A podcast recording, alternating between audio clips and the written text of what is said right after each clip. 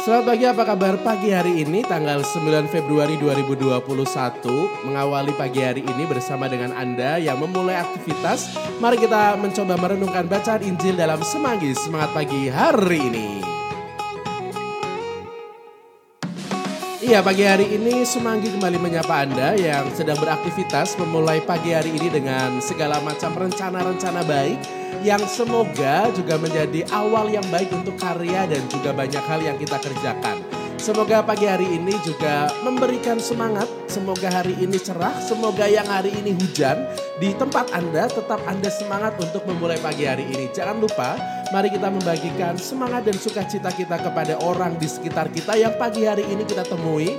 Dan mari kita bersyukur karena pagi hari ini kita masih bisa hidup. Masih bisa melihat banyak hal dan masih bisa bernafas. Maka mari kita tersenyum dengan begitu manis kepada dunia yang kita temui pagi hari ini. Hari ini Selasa tanggal 9 Februari 2021, bacaan Injil yang menjadi bacaan liturgi hari ini adalah dari Injil Markus bab 7 ayat 1 sampai dengan 13. Anda bisa pause dulu suara saya, lalu buka kitab sucinya atau buka handphonenya. Sambil Anda memulai pagi hari ini mungkin sambil Anda uh, minum kopi, sambil Anda masak-masak, eh, itu ya, bisa ya masak sambil baca kitab suci. Kalau Anda bisa luar biasa, maka Anda bisa membuka kitab sucinya dulu dari Injil Markus Markus bab 7 ayat 1 sampai dengan 13. Apa isinya? Anda bisa cari dari sana, tapi kalau tidak Anda bisa mendengarkan semanggi pagi hari ini.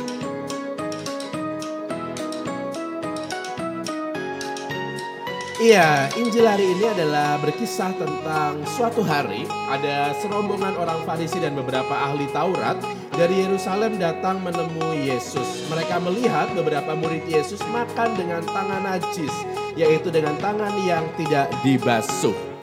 Sebuah kebiasaan zaman itu di saat seseorang harus uh, makan atau mau makan mereka harus membasuh tangannya lebih dulu. Mungkin maknanya berbeda dengan zaman sekarang di mana kita membasuh tangan hanya pada alasan-alasan untuk menjaga kebersihan. Apalagi dalam situasi pandemi COVID-19 ini cuci tangan menjadi sesuatu yang sangat wajib tidak hanya saat makan tapi dalam segala aktivitas kita sesudah kita pegang sesuatu. Tapi zaman itu cuci tangan mempunyai makna yang lebih karena dalam sebuah tradisi cuci tangan menjadi sebuah tradisi yang dihidupi.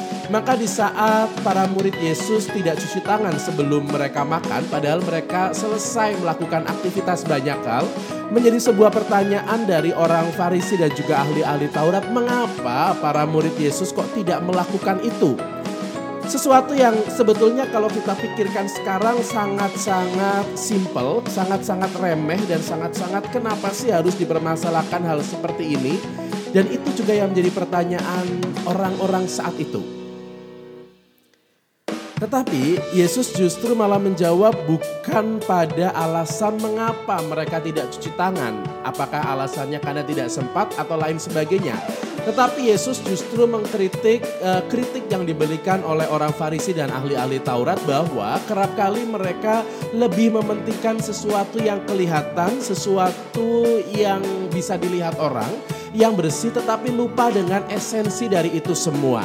Artinya mereka kerap kali hanya suka dengan sesuatu yang bisa dilihat orang dan dipuji. Sementara di dalam dan juga unsur batiniah tidak menjadi sesuatu yang penting bagi mereka. Mereka membuat kuburan yang baik padahal di dalam kuburan itu ada banyak tulang belulang dan banyak hal yang mungkin tidak bisa dilihat oleh banyak orang kita semua mungkin juga pernah jatuh dalam kecenderungan seperti ini gitu ya. Kita pengen supaya kita selalu tampil dengan baik, selalu tampil dengan prima, selalu uh, tampil dengan sempurna. Lalu kita kadang-kadang menjadi lupa bahwa ada sesuatu yang sebetulnya harus kita olah lebih dalam yaitu diri kita sendiri. Kerap kali kita lebih mementingkan bagaimana hari ini mau pakai baju apa, hari ini mau pakai uh, aksesoris yang kayak apa atau mungkin kita sibuk dengan pakai skincare skincare gitu ya supaya kita kelihatan glowing dan lain sebagainya. Tapi kita kerap kali sibuk dengan itu semua tapi lupa untuk memelihara dan juga menjaga jiwa kita. Karena sebetulnya jiwa adalah pancaran dari segala-galanya. Jiwa yang sehat akan kelihatan secara orang melihatnya. Maka mari kita mencoba untuk melihat di dalam diri kita. Ada sesuatu apakah yang bisa kita rawat di dalam diri kita secara spiritual, secara batiniah. Mungkin kita lupa selama ini karena mementingkan sesuatu yang bersifat fisik, kita lupa untuk menikmati hari. Kita lupa untuk bersyukur, kita lupa untuk bahagia, kita lupa untuk membangun relasi yang dekat dengan diri kita. Kerap kali kita lupa untuk tanya apa sih sebetulnya yang aku mau di dalam hidup ini. Mementingkan sesuatu yang ada di luaran kerap kali juga dipengaruhi dengan apa pendapat orang. Saat orang memberikan pendapat kamu harus seperti ini, kamu baiknya begini, sekarang yang lagi tren itu kayak gini. Lalu kita ngikutin supaya kita bisa dianggap sebagai orang yang baik di dalam tampilan, dalam apa yang kita tampilkan di luar.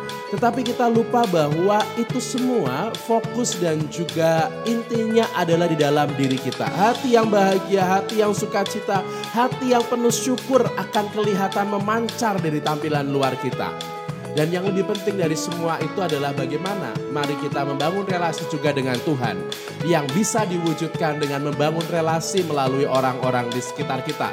Tidak penting kita punya tampilan yang baik, tampilan yang luar biasa, kita kelihatan baik di luar, tapi saat kita punya relasi yang buruk dengan orang-orang di sekitar kita, itu semua akan menjadi sesuatu yang mubasir. Maka mari kita menjadi pribadi yang otentik dengan tidak hanya memoles luarannya saja, tapi mari kita juga memelihara jiwa kita, memelihara relasi kita dengan Allah dan memelihara relasi kita dengan orang-orang di sekitar kita. Dan yakinlah kalau itu sudah dipelihara, kita akan kelihatan lebih mempesona. Semoga hari ini Selasa tanggal 9 Februari 2021 Anda semua, kita semua bisa masuk dalam diri kita. Kita semua mencari sesuatu yang bisa kita pelihara karena saat dia dipelihara dia akan bertumbuh dan berkembang dan yakinlah kita akan lebih jadi berkat bagi orang lain. Selamat pagi, selamat beraktivitas, selamat berkegiatan hari ini. Selamat menjalankan tugas dan tanggung jawab. Jangan lupa bahagia karena itulah kunci utama supaya semuanya bisa disyukuri. Terima kasih sudah mendengarkan Semanggi pagi hari ini. Semoga pagi hari ini kita semangat dan happy selalu. Semanggi, semangat pagi hari ini. Salam hangat untuk Anda semua dan semua orang yang Anda layani, yang Anda jumpai pagi hari ini. Terima kasih, kita ketemu lagi besok dalam Semanggi, semangat pagi hari ini. See you dan bye-bye.